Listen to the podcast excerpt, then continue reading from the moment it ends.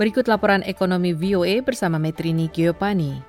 Perjanjian Perdagangan Amerika Serikat, Meksiko, dan Kanada atau USMCA mengawali era baru dalam perdagangan Amerika Utara diluncurkan di tengah pandemi. Mulai hari Rabu, 1 Juli, Perjanjian Amerika Serikat Meksiko Kanada mengikat hampir setengah miliar konsumen di satu pasar tunggal yang menghasilkan 27 persen PDB global bernilai 1,2 triliun dolar pada tahun 2019. Itu terjadi sebelum COVID-19. Pada saat ini perbatasan antara ketiga negara masih ditutup sebagian.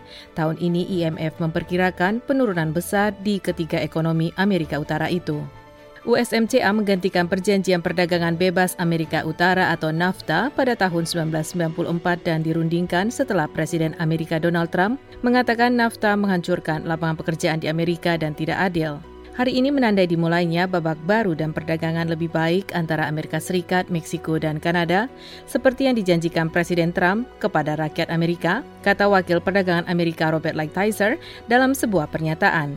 Pemulihan dari pandemi COVID-19 menunjukkan bahwa sekarang Amerika Serikat harus menghentikan outsourcing atau ekspor pekerjaan ke luar negeri dan meningkatkan kapasitas produksi serta investasi di dalam negeri.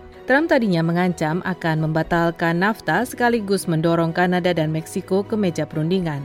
Setelah pembicaraan maraton, ketiga pihak menandatangani versi awal perjanjian perdagangan baru itu bulan November 2018.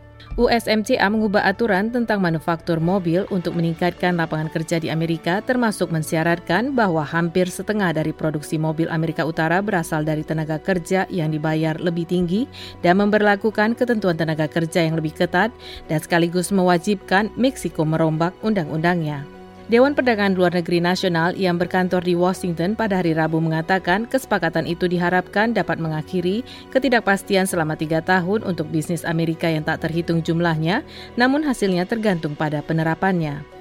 Sementara para ahli khawatir sejumlah perubahan peraturan dapat meningkatkan biaya pembuatan mobil dan harga mobil bagi konsumen, USMCA juga memperbarui peraturan terkait e-commerce, perlindungan kekayaan intelektual dan cara penyelesaian sengketa bagi para investor, suatu perbaikan dari perjanjian NAFTA dulu. Untuk mencapai sukses, ketiga negara itu harus menjalani tahun ini dengan baik, walaupun IMF memproyeksikan ekonomi Amerika akan menyusut 8 persen, Kanada 8,4 persen, dan Meksiko 10,5 persen. Perbatasan Amerika Serikat Serikat ditutup untuk perjalanan tidak esensial sampai 21 Juli 2020 karena pandemi kecuali perdagangan lintas batas. Di tengah ketidakpastian karena pandemi, kesepakatan itu memberi Trump yang menghadapi perselisihan perdagangan dengan Tiongkok dan Uni Eropa sebuah sukses yang bisa digembar-gemborkan dalam pertarungan sulit untuk terpilih kembali pada pemilu November mendatang. Wakil Menteri Perdagangan Luar Negeri Meksiko, Luz Maria de la Mora, mencatat bahwa Amerika Serikat adalah mitra dagang utama Meksiko dan berharap kesepakatan itu dapat membuahkan hasil di tahun-tahun mendatang.